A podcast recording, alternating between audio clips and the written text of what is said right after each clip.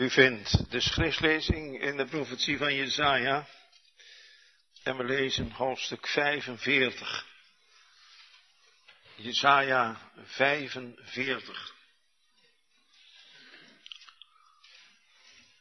Alzo zegt de Heere tot zijn gezalfde, tot Chorus, wiens rechterhand ik vat om de volken voor zijn aangezicht neer te werpen. En ik zal de lenderen van de koningen ontbinden om voor zijn aangezicht de deuren te openen en de poorten zullen niet gesloten worden. Ik zal voor uw aangezicht gaan en ik zal de kromme wegen recht maken, de koperen deuren zal ik verbreken en de ijzeren grendelen zal ik in stukken slaan en ik zal geven u de schatten die in de duisternissen zijn en de verborgen rijksdommen, opdat gij moogt weten dat ik de Heere ben, die u bij uw naam roept, de God van Israël. Om Jacobs mijn knechts wil, om, en Israëls mijn uitverkorenen, ja, ik riep u bij uw naam, ik noemde u toe, hoewel gij mij niet kende. Ik ben de Heere, en niemand meer buiten mij is er geen God. Ik zal u gorden, hoewel gij mij niet kent. Opdat men weten van de opgang der zon en van de ondergang dat er buiten mij niets is. Ik ben de Heere en niemand meer. Ik formeer het licht en schep de duisternis. Ik maak de vrede en schep het kwaad. Ik de Heere doe al deze dingen. Drupt gij hemelen van bovenaf en dat de wolken vloeien? Van gerechtigheid en de aarde openen zich en dat allerlei heil uitwassen en gerechtigheid er samen uitspruiten. Ik de Heere heb ze geschapen. Weet dien die met zijn vermeerde twist gelijk een potscherf met aarde potscherven. Zal ook het leen tot zijn vermeerder zeggen, wat maakt gij? Of zal uw werk zeggen, hij heeft geen handen? Weet dien die tot de vader zegt, wat genereert gij? En tot de vrouw, wat baart gij? Alzo zegt de Heere, de heilige Israëls en de zelfs formeerder. Ze hebben mij van toekomende dingen gevraagd van mijn kinderen. Zoudt gij mij van het werk mijner handen bevel geven? Ik heb de aarde gemaakt en ik heb de mens daarop geschapen.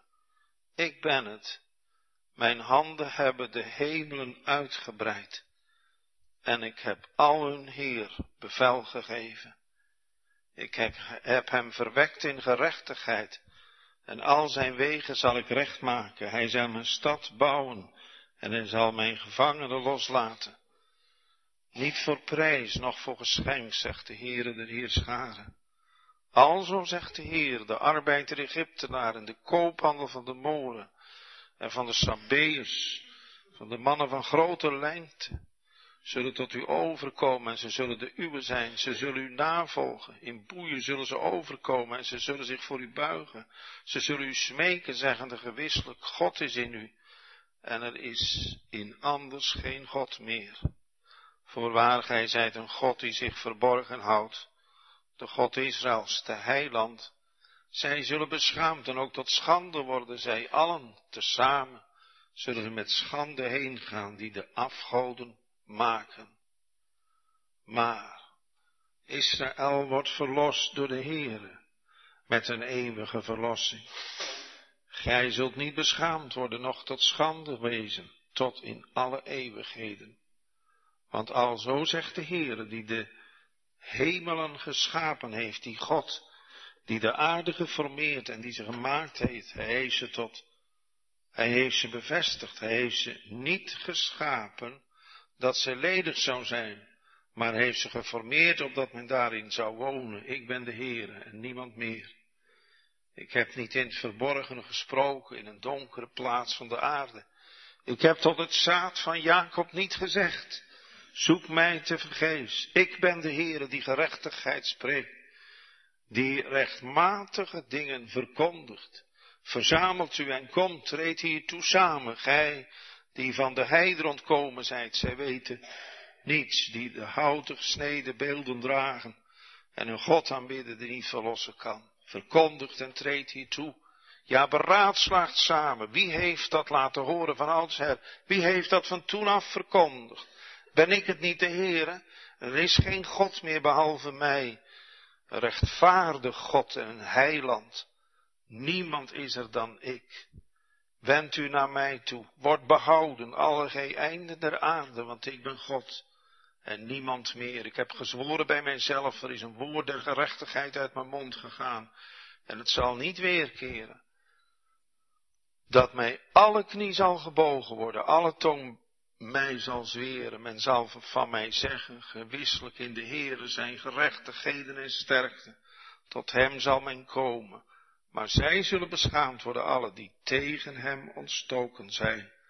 Maar in de Heere zullen gerechtvaardigd worden en zich beroemen het ganse zaad van Israël. Amen. Tot zover de lezing van de Heilige Schrift. De tekstwoorden voor vanmorgen vindt u in dit gedeelte Jesaja 45, allereerst vers 17. Maar Israël wordt verlost door de Heere met een eeuwige verlossing. Gij zult niet beschaamd, noch tot schande worden, tot in alle eeuwigheden. En dan vers 21 en 22. Verkondigt en treedt hier toe. Ja, beraadslacht er samen. Wie heeft dat laten horen van oudsher? Wie heeft dat van toen af verkondigd? Ben ik het niet de Heere? En er is geen God meer behalve mij, een rechtvaardig God en een heiland. Niemand is er dan ik. Wend u naar mij toe, wordt behouden. Alle gij einden der aarde, want ik ben God en niemand meer. Tot zover de lezing van onze tekstwoorden. Gemeente, in vers 21 staat verkondigd en treedt hier toe, ja beraadslaagt er samen, wie heeft dat laten horen? Van ouds her, wie heeft dat van toen af verkondigd? Ben ik het niet, de Heere? En er is geen God meer behalve mij, een rechtvaardig God en een heiland. Niemand is er dan ik. Dat zijn woorden die wel heel bijzonder van toepassing zijn op de inhoud van dit hoofdstuk Jesaja 45. In vers 1 wordt er gesproken over koning Kores. En de profetie gaat hier met name over deze koning. Koning van de Persen. En dit woord wordt al uitgesproken twee eeuwen voordat deze koning Kores heeft geleefd. Kores was koning van de Persen van 599 tot 520 voor Christus.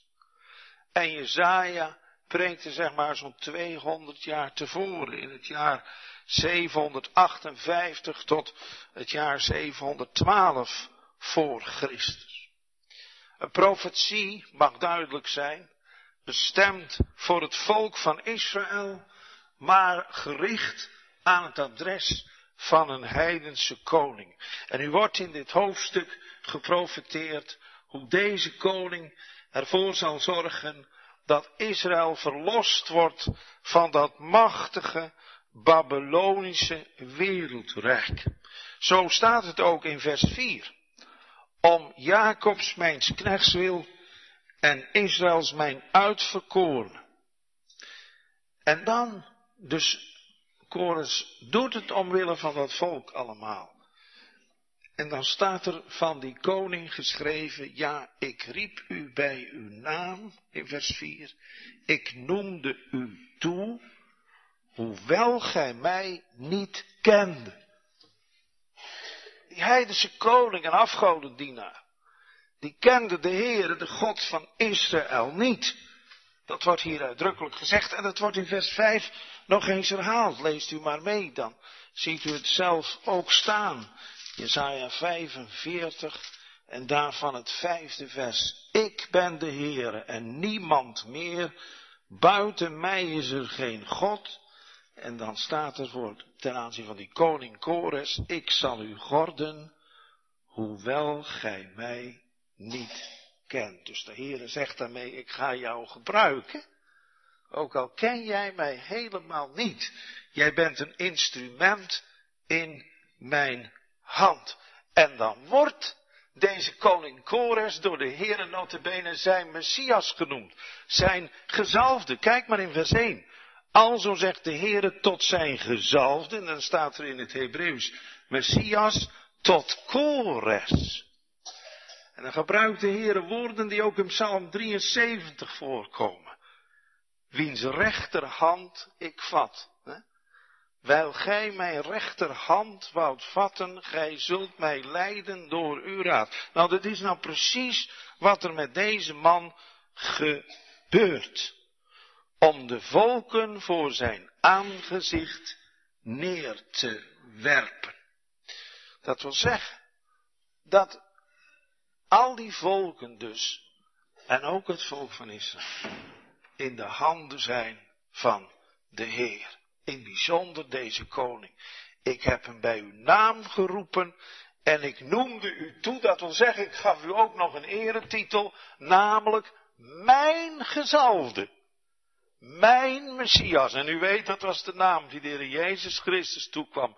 Maar omdat deze koning door de Heere God dus als verlosser gebruikt wordt van zijn volk Israël, krijgt hij van God hier die heerlijke erenaam, mijn gezalfde. In het laatste vers van Jesaja 44 noemt hij hem ook al met een naam van de Heere Jezus, namelijk mijn herder. Kijk maar.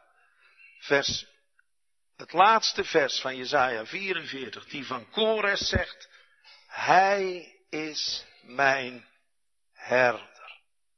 En hij zal al mijn welbehaag volbrengen. Denk eens aan die bekende tekstwoorden. Deze is mijn geliefde zoon in welke ik mijn welbehagen heb.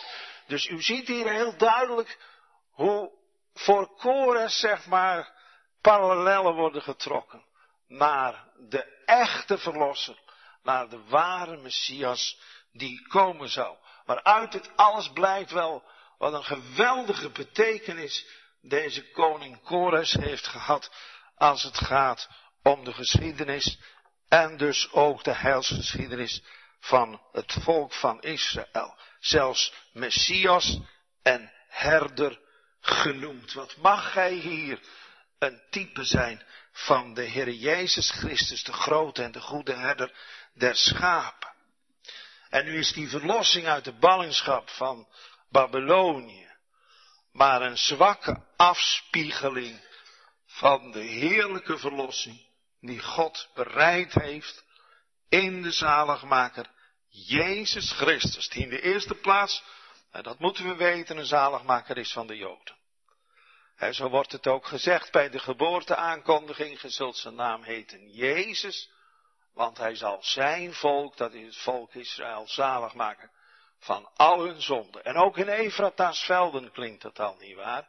Heden is u geboren, de zaligmaker. Welk is Christus de Heer in de stad Davids. Hij is een Messias allereerst voor de Joden. Het gehele volk zal het wezen, staat. De zalen die het gehele volk zal wezen. Dat is de blijde boodschap. Nou, deze heidense koning Kores, die zal ervoor zorgen dat dit volk van Israël verlost gaat worden uit de ballingschap. Maar dan die gezalfde koning, Christus Jezus, die zal dat volk gaan verlossen van al hun zonden, zoals we zojuist hebben gehoord. Deze heidense koning Kores, die zal ook zorgen voor de wederopbouw en het herstel van de tempel. Daar krijgen ze allemaal toestemming voor om dat te gaan doen. Maar de Jezus Christus, dat weet u, die wordt zelf genoemd de uiterste hoeksteen. Waarop dat Gods gebouw van u en mijn zaligheid naar Gods gemaakt bestek in eeuwigheid zal reizen. Een gebouw waarvan heiden en Joden, Joden deel van zullen uitmaken. En dat wordt ook zo heerlijk verwoord hier in vers 17, onze tekst. Maar Israël wordt verlost door de Heere met een eeuwige verlossing. Gij zult niet beschaamd nog tot schande worden in alle eeuwigheden. Dit is dus niet beperkt tot de verlossing uit de ballingschap alleen. Het is zelfs ook niet beperkt tot de verlossing van hun zonden alleen. Nee, hoe groot dit op zichzelf natuurlijk ook is, wat we zojuist hebben verwoord. Maar dit ziet ten diepste op die eeuwige verlossing, de komst van dat messiaanse vrederijk, dat God in het vooruitzicht heeft gesteld en dat nog niet in volle omvang gerealiseerd is geworden, dat weten wij. Maar deze belofte van zaligheid voor het volk der Joden staat nog open. Er wordt hier gesproken over, gij zult niet beschaamd, nog tot schande worden. Ach, hoe is in de loop der eeuwen dit volk als het ware als een schandvlek gezien in deze wereld. En wat zijn er al niet een pogingen ondernomen om dit volk van de aardbodem weg te doen. Heel recent natuurlijk de Tweede Wereldoorlog. Ach, hier staat, gij zult niet beschaamd toch tot schande worden. Ook de kinderen kennen die gruwelijke beelden. Hoe, de Joodse volk, dat Joodse volk echt tot schande is gemaakt. Je ziet die foto's nog wel in boeken. Dat ze daar naakt op de rand van hun graf staan. Helemaal vermagerd zijn slechts nog skeletten. En hoe ze dan zo in hun rug worden geschoten en ze voorover vallen in die massagraven die er gemaakt zijn. En dan laten ze ook zien wat daar aan skeletten uh, met vel erover in feite liggen. Wat een schaamte en wat een schande. Zo is dat volk vernederd geworden. En wat is het heerlijk dat hier nou staat. Gij zult niet beschaamd, noch tot schande worden in alle eeuwigheden. Dan mogen we onze Joodse broeders en zusters vanuit deze belofte hartelijk omhelzen en zeggen, ach, die heerlijke tijd is aanstaande voor Jood en Heid. Dan mogen we samen delen in dat vrederijk dat aanstaande is.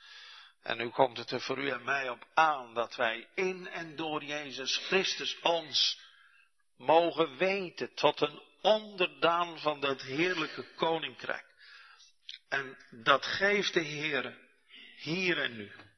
Onder de verkondiging van dit evangeliewoord. U zult vanmorgen merken dat de Heer weer alle registers, mag ik het zo zeggen, opentrekt. Om als u of jij nog geen onderdaan bent van dat koninkrijk, je tot zo'n onderdaan te maken. En u kunt het ieder kind van God vragen in Abbenbroek. De Heer doet dat heel eenvoudig door tot je te spreken. En zo dat contact te leggen met jou en met u. En waar Hij dat contact nou legt, wordt dat nooit meer verbroken. Want Hij zal nooit laten varen. De werken zijn er handen. Dan mogen wij, als wij de Heer Jezus mogen kennen door Gods genade, tegen u zeggen dat u en zijn wonden zijn daar het bewijs van dat hij u en dat hij jou en dat hij mij in zijn beide handpalmen heeft gegraveerd. En dat hij zijn kerk dag voor dag voor zich ziet.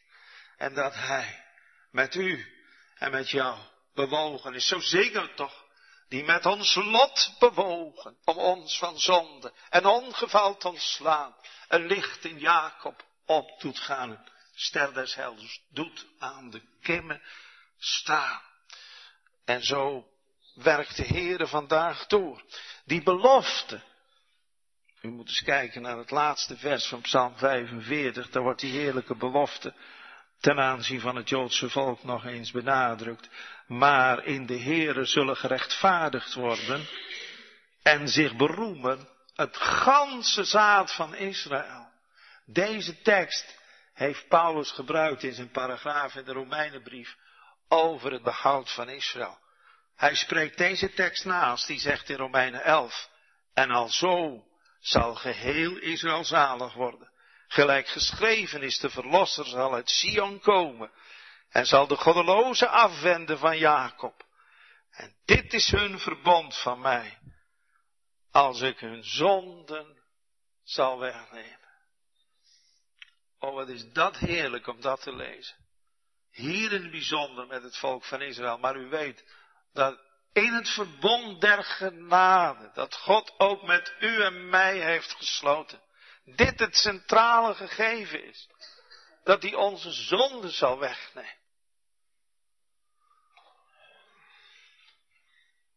Waar dat te geloof mag worden, komt ons leven te staan in het perspectief van eeuwig behoud.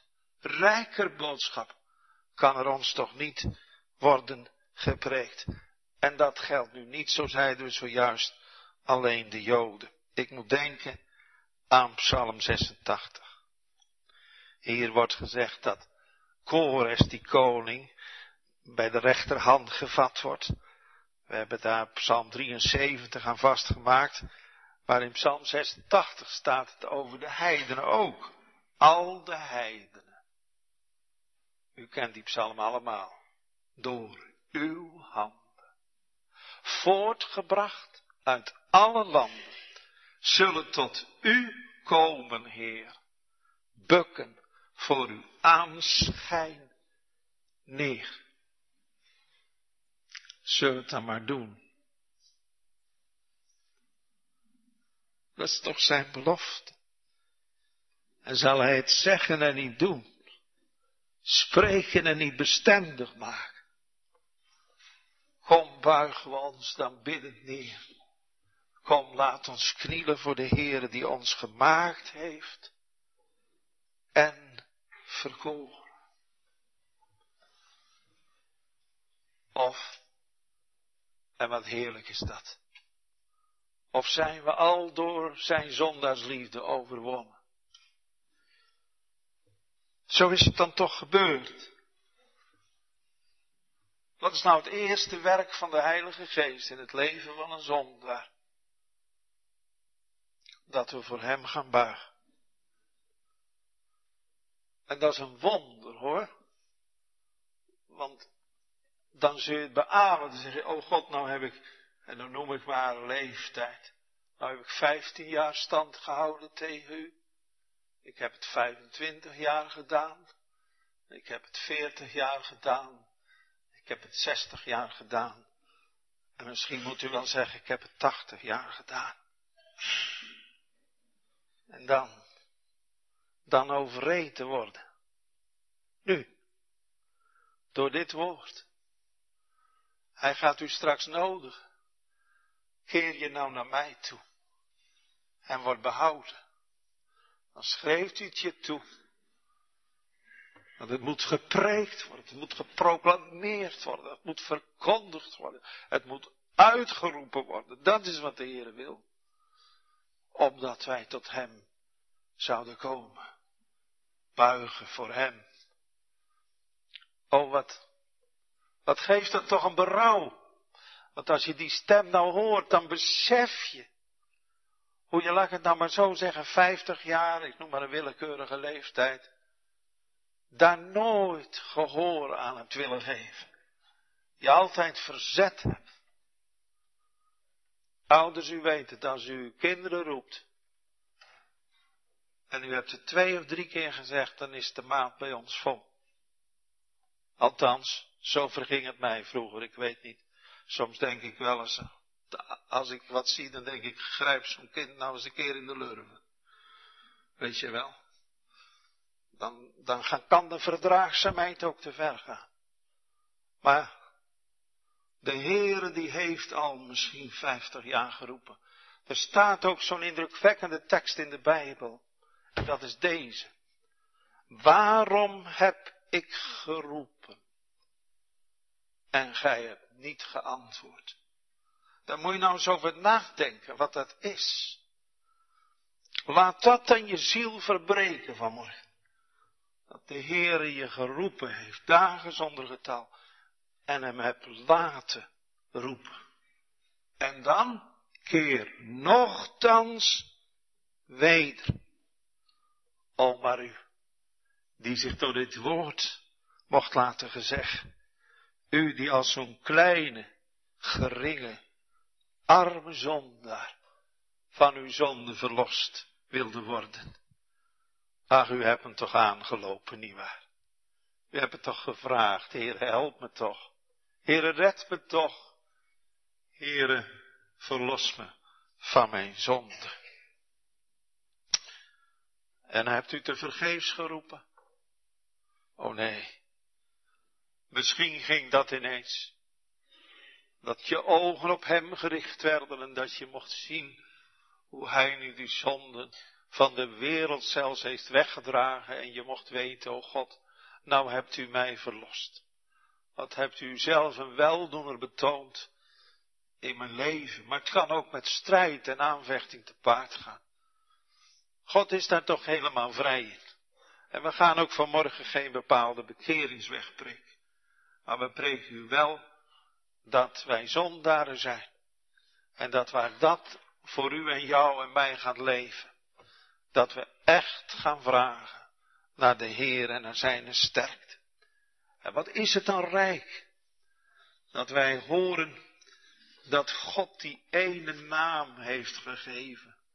En dat mag Petrus ons spreken op de Pinksterdag, als die vol is van de Heilige Geest. Dus u hoeft er echt geen twijfel over te hebben of dat dat waar is. Daar is maar één naam onder de hemel, onder de mensen gegeven, door welke wij zalig moeten worden. Kijk, dat is van Gods kant, hè. Die zegt dat wij zalig moeten worden. En dat heilige moeten krijgt nou ook een plek in mijn hart.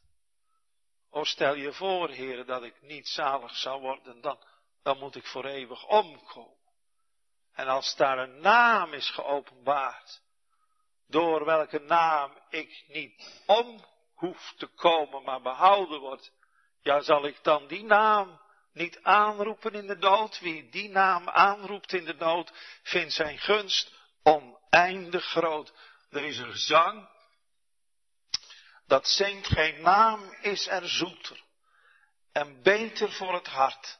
Hij balsemt de wonden en heelt alle smart. Nou, waar dat nou toch waar mag zijn of worden in mijn leven. Ja, dan ga ik heel goed de bruid uit het hoofdlied begrijpen die zegt, zijn naam is een olie die uitgestort wordt. En dan wordt er zo prachtig bij gezegd, daarom hebben u de maagden lief. Dat zijn de kinderen van de Heer. Dat zijn degenen die door die naam geheiligd zijn geworden.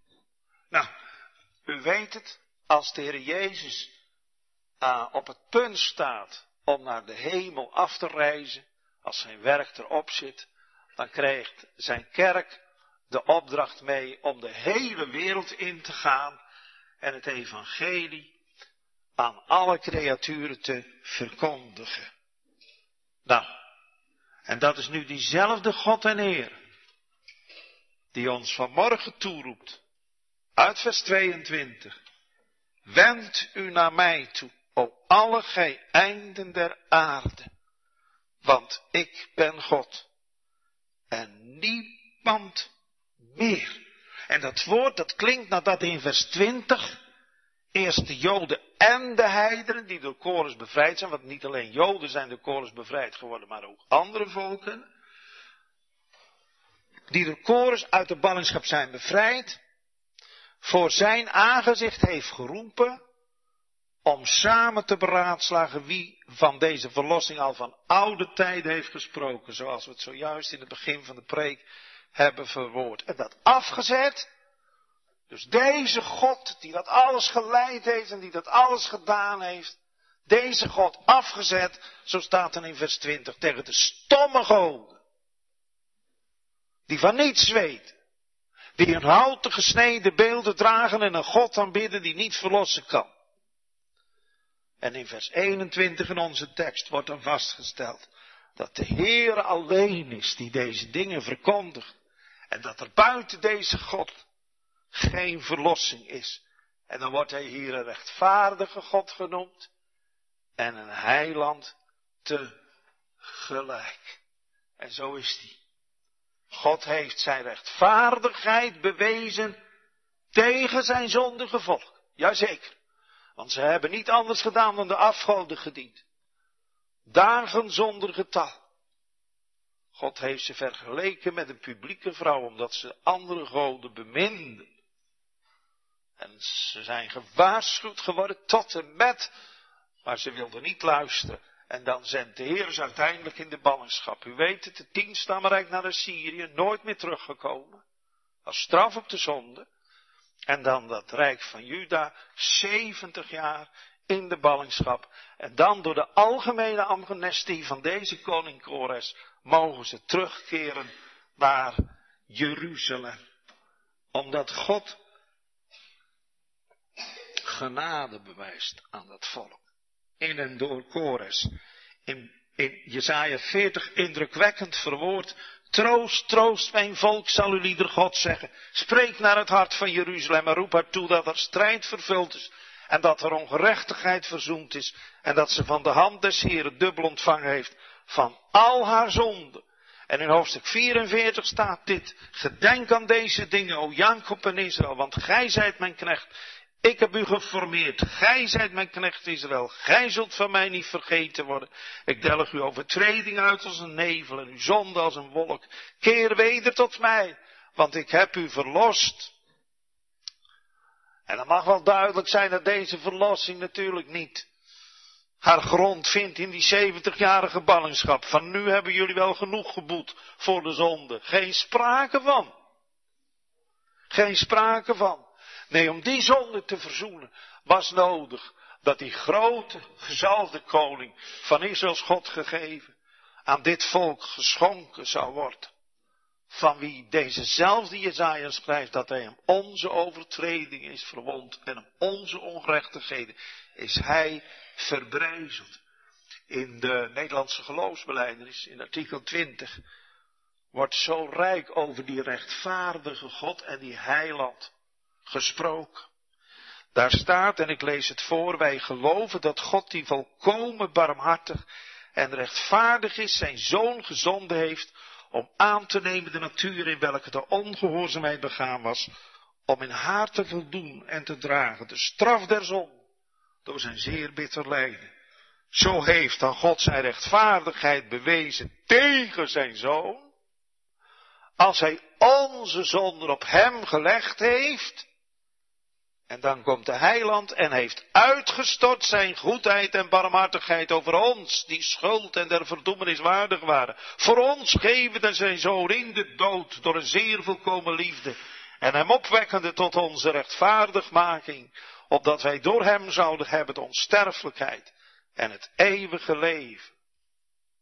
Zo is deze rechtvaardige God in zijn zoon Jezus Christus tot een heiland geworden nou, en dat moet nou heel de wereld weten. We hebben ervan gezongen, gij aarde, zee en eiland. Verheugt u in uw heiland. En dan die tekst van ons natuurlijk. Wend u naar mij toe, alle gij einden der aarde. Hoeveel zondaren zullen er al niet door deze tekst tot geloof en bekering gekomen zijn in de loop der eeuwen. U hebt ongetwijfeld wel eens gehoord van de prins der predikers, Charles Heron Spurgeon die is ook door deze tekst tot geloof en bekering gekomen. U kent misschien wel dat stukje levensgeschiedenis van Spurgeon. Er zijn gelukkig veel jonge mensen en kinderen in de kerk. Spurgeon die liep als kind al over zijn zonde te tobben. Vijftien jaar. En hij, hij beseft als ik zo moet sterven in mijn zonde, dan, dan ben ik een verloren kind. Zo kan het zijn. Maar hij zocht dat zondepak kwijt te raken. Hij moest er vanaf. En hij wist niet hoe. En allemaal preken lezen en naar preken luisteren. Hij bleef maar een groot zondaar. En dan op 6 januari 1850 dan zijn de weersomstandigheden bijzonder slecht. En dan komt hij door die slechte weersomstandigheden terecht in een primitief methodistenkerkje, zoals hij dat zelf noemt. En daar stond een ja, soort godsdienstonderwijzer. De dominee was niet kunnen komen vanwege het geweldige slechte weer. En dan had men toch nog een soort godsdienstleraar kunnen vinden die daar het woord zou preken. Man zegt uh, Spurgeon met weinig scholing en weinig welsprekendheid. En die preekte toen over deze tekstwoorden. Wend u naar mij toe, wordt behouden, want ik ben God en niemand meer. En in het Engels staat er dan, zie op mij. Daar staat niet wend u tot mij, maar zie op mij. Dat kan vanuit het Hebreeuws alle twee, dus dat is geen enkel probleem. Maar vooral dat zie op mij, wat in de tekst staat, werd heel erg benadrukt door die eenvoudige prediker. En dan beschrijft Spurgeon zelf wat deze man zei. Hij zegt, om te zien hoef je geen enkele moeite te doen. Je hoeft er niet voor op school gezeten te hebben. Je hoeft geen groot salaris te hebben. Iedereen kan zien, behoudens degene die blind zijn natuurlijk. Iedereen kan zien, zelfs een kind kan zien. En dan zegt onze tekst, zie op mij. Velen zien op zichzelf. Maar dat heeft geen zin. Je zult nooit enige troost in jezelf vinden. Sommigen zeggen, zie op God de Vader. Maar dat kan straks wel. Anderen zeggen, we moeten wachten op het werk van de Heilige Geest. Daar hebben we nu even niets mee te maken. Zie op Christus. Jezus zegt, zie op mij. Ik zweet grote druppelen bloeds. Zie op mij. Ik hang aan het kruis. Zie op mij. Ik ben dood en begraven. Zie op mij. Ik sta uit de doden op. Zie op mij. Ik vaar op naar de hemel. Zie op mij. Ik zit aan de rechterhand van de Vader. Zie op mij. O arme zondaar. Zie op mij. En dan kijkt die dominee, zou ik hem zo maar noemen, ineens in de ogen van Spurgeon. Hij ziet hem zitten. En dan zegt hij zomaar recht op de man af. Wat zie jij er ongelukkig uit? Jonge man, je zult altijd diep ongelukkig blijven in je leven en je sterven. Indien jij mijn tekst niet gehoorzaamt. Maar als je gehoorzaamt, zul je op dit moment gered worden. En terwijl hij zijn handen ophief, schreeuwde hij zo hard als een primitieve methodiste dominee dat alleen maar kan. Jongeman, zie op Christus. Zie, zie, zie. Je hebt niets anders te doen dan te zien en te leven. En ineens, schrijft Spurgeon, zag ik de weg ter zaligheid voor mij. Op die dag heb ik mijn zaligmaker gevonden. En heb ik geleerd om aan zijn voeten te zitten. De vreugde van die dag was onbeschrijfelijk. Ik was uit de duisternis gehaald en gebracht tot zijn wonderbaar licht. Ik was uit de dood gehaald en overgezet in het leven. En hoe het nou ook zijn mag, gemeente, of wij nou op Christus mogen zien, zoals Spurgeon of zoals onze tekst het zegt, om ons nou naar Hem toe te wenden, in beide gevallen is het eeuwig genoeg en zal het met Spurgeon de gelukkigste dag van ons leven zijn. Wie zich naar de Heere toewendt en wie tot Hem komt en wie op Hem ziet, die is behouden. En mag ik er nog wat bij zeggen? Het is geen vrijblijvende kwestie. Van nou ja, we hebben het weer gehoord. Nee, er staat een gebiedende wijs. Wend u naar mij toe en wordt behouden. Het is een gebiedende wijs meervoud. Dus het is een moed. Zoals Paulus of eh, Petrus dat ook zegt, we moeten zalig worden. En zo moeten we ons naar Hem toe wenden. Een andere weg tot ons behoud is er niet. En wat laat zo'n tekst nou ook zien, wendt u naar mij toe en wordt behouden, dat dat van nature dus bij u en mij niet gevonden wordt. We hebben ons van deze God afgekeerd. Vandaar dat hij zegt, wend u naar mij toe. Dus precies het tegenovergestelde wat wij van nature doen. Dus dit is eigen aan mijn natuur. Hè? Om met mijn rug naar God toe te staan. Natuurlijk een gruwelijke realiteit. Ik durf het haast niet te doen, maar om, om te choqueren zal ik het doen.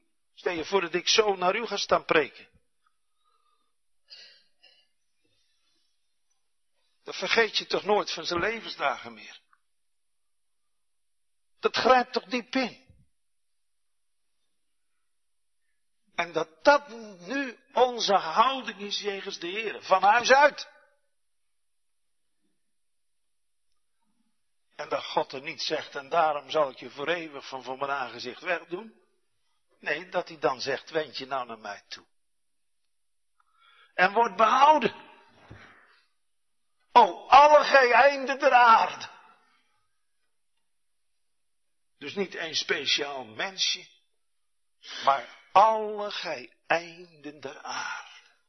Want, is een redengevend voelwoord. Daaruit is dat alleen maar te verklaren, want ik ben God. En niemand meer, ik alleen ben het. Die dat kan zeggen en die dat wil zeggen. Dat is nou soevereiniteit. Ik ben God. En daarom wend je naar mij toe. En dan begrijp je wel als je daar, ja, jezelf tegen blijft verzetten. Zoals Jesaja 53 dat ook zegt. Wij keerden een ieder, ons, een ieder naar onze weg. En een ieder was als verbergende het aangezicht voor hem. Weer die grondhouding van de mens. Verberg het aangezicht voor hem, dat is dat je je afwendt van hem. Hem niet willen zien. Misschien hebt u het ook wel eens gedaan, ergens. Dat je iemand ziet die je kent en gewoon geen zin hebt even om iemand te, te zien. Dan zie je iemand wel, maar je doet alsof je hem of haar niet ziet. Nou ja, dat mag dan eens een keer gebeuren in je leven, omdat het net even niet uitkomt. Maar dit als grondhouding. Je afkeren van hem. Waarmee je afkeer ook zo laat blijken. En dat moeten we dan ook zeggen, als jij daar het slachtoffer of u of ik van bent. Dat je dus merkt dat iemand jou niet wil zien. Dat voelt niet goed. Waarom wil hij of zij mij niet zien? Wat zal er zijn? dat geldt aan ons mensen. Zondige mensen. Maar nu dit tegenover God doen.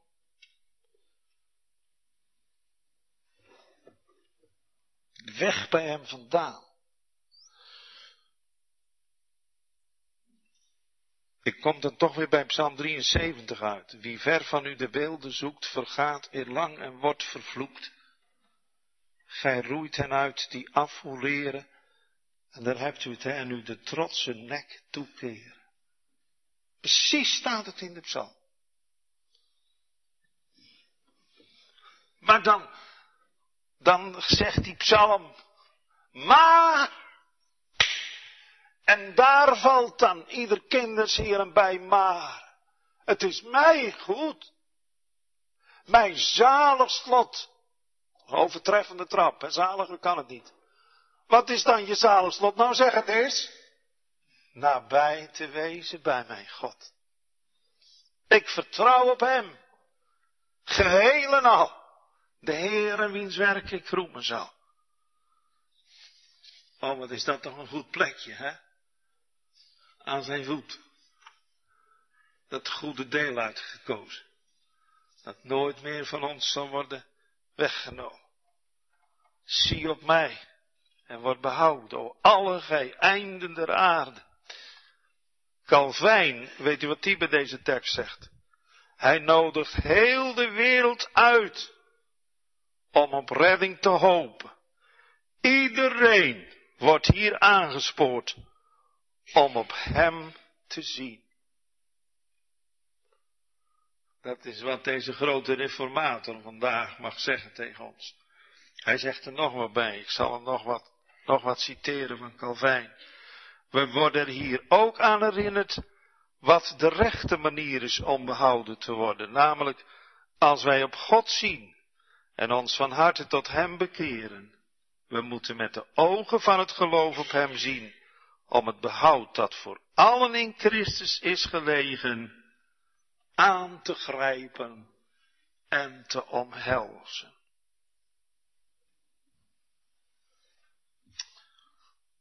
Nou, dat is nou eigen aan het geloof. Het ongeloof, dat wendt zich af. Het ongeloof keert zich van hem af. En het geloof keert zich naar hem toe. Het geloof is uit gehoor, hè? dus als dan gehoord wordt, wendt u naar mij toe. En ik sta met mijn rug naar hem toe. En ik hoor het tegen me zeggen, wend u nou naar mij toe.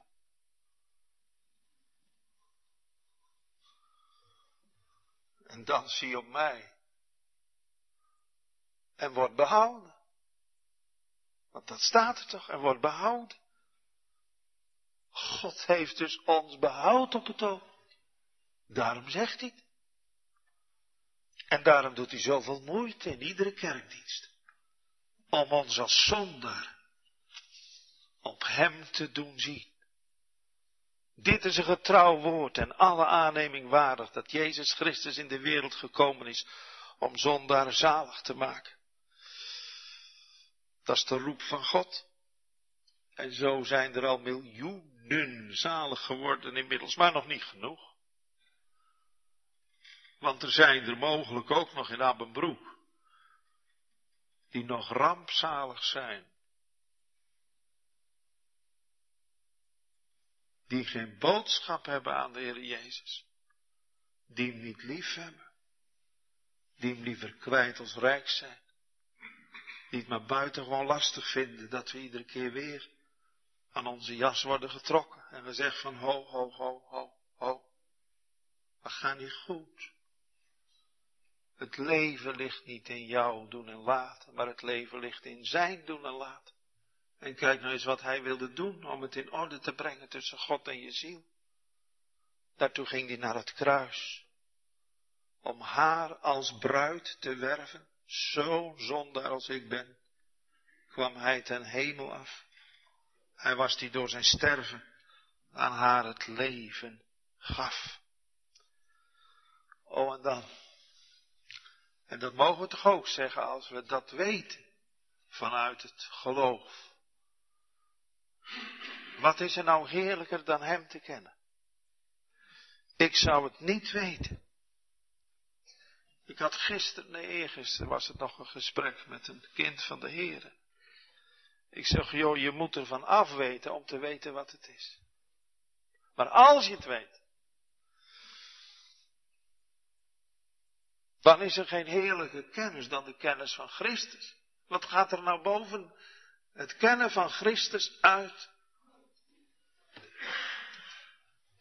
En vandaar dat al de dienaren van Christus er maar nooit moe van worden.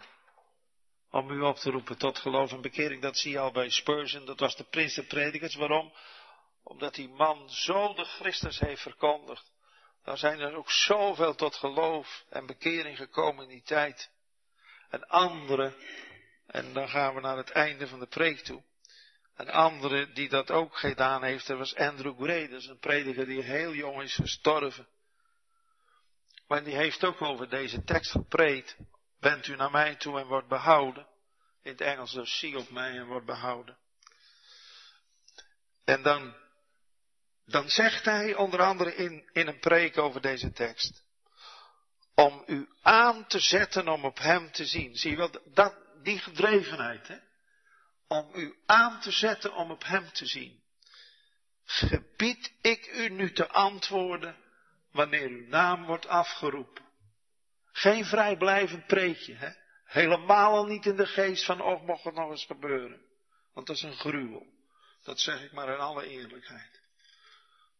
Hij roept allen die vermoeid en belast zijn.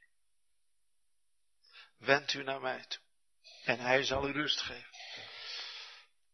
Dat is één. Twee, zegt Gray. Hij roept allen die naakt zijn. Al die zondaren die zich niet meer kunnen bedekken met hun eigen gerechtigheid. Zie dan, zegt hij op die gekruisigde zaligmaker. En daar ziet u hem hangen hoor, in zijn schande en in zijn naaktheid.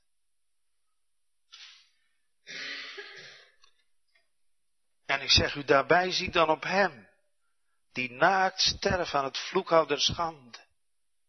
Zijn mantel der gerechtigheid is er voor u en voor jou die op hem ziet. Hij doet hem nog zelf aan ook, want de mantel der gerechtigheid heeft hij mij omgedaan.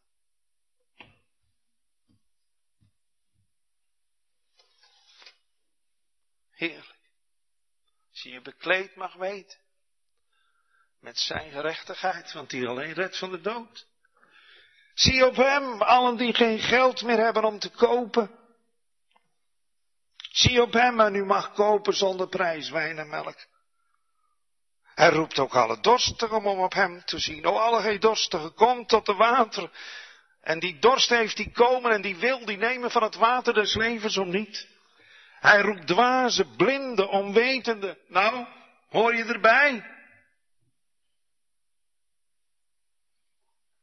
Wend u naar mij toen wordt behouden. En dan zegt Gray, hij is u van God gegeven tot wijsheid. Hij opent de blinde zielsoog. En hij onderwijst hen die dwalen om te brengen in het rechte spoor.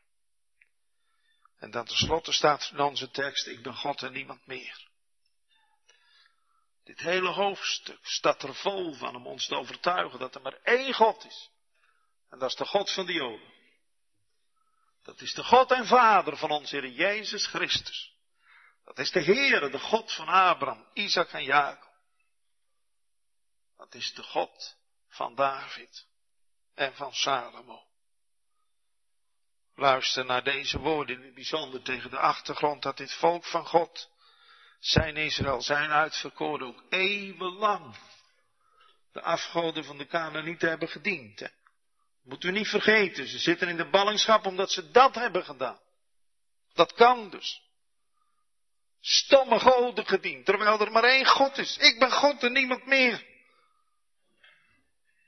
En zo presenteert zich ook vandaag deze Heere God.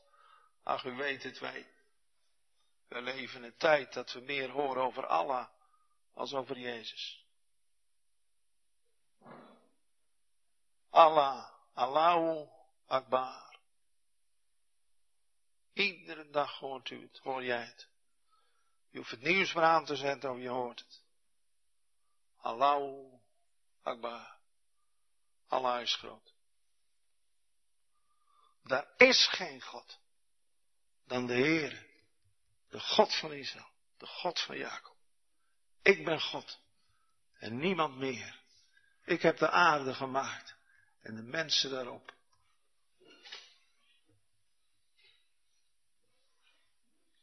Gaat u ook wel eens naar een tuincentrum? Ik hou erg van tuinen. Ga je ook wel eens naar een tuincentrum? Daar word je vergiftigd door de Boeddha-beelden. Schrikkelijk.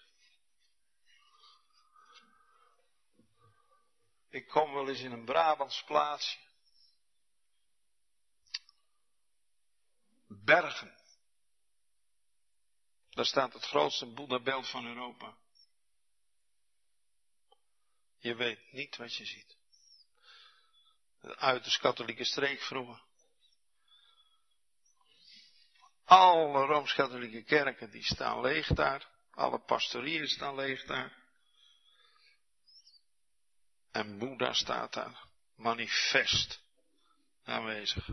Maar goed, dat blijft misschien nog even ver bij ons uit de buurt. Er wordt hier gesproken over de heidenen die hun goden moeten dragen. Dan sliepen natuurlijk met die houten en koperen en uh, beelden liepen ze te sjouwen. Nou, wij lopen miljoenen, miljoenen, miljoenen in deze wereld hebben van hun tablet of smartphone een afgod gemaakt. En ze lopen de dag en nacht mee te zeulen. Ze gaan ermee naar bed en ze gaan ermee naar het toilet.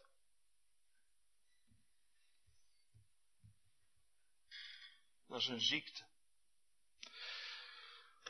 Met een variant op vers 20 zou ik willen zeggen, zij weten niets die hun tablets en smartphones dragen en een God aanbidden die niet verlossen kan. Heel de dag daarmee bezig. Daarom klinkt het voor allen die deze God en Heer, deze zaligmaker en heiland nog niet kennen, wend u naar mij toe. En wat behoud door alle geëinde draagden, want ik ben God en niemand meer. Kom tot uw heiland. Toef langer niet, kom nu tot hem. Die redding u biedt, die ook voor u de hemel verliet. Hoor naar zijn roepstem, kom. Wil toch bedenken, hij is nabij. Volg dan zijn stem. Ook u maakt hij vrij. Luister, hij spreekt tot u en tot mij. Kom tot mij zondaars. Kom. Amen.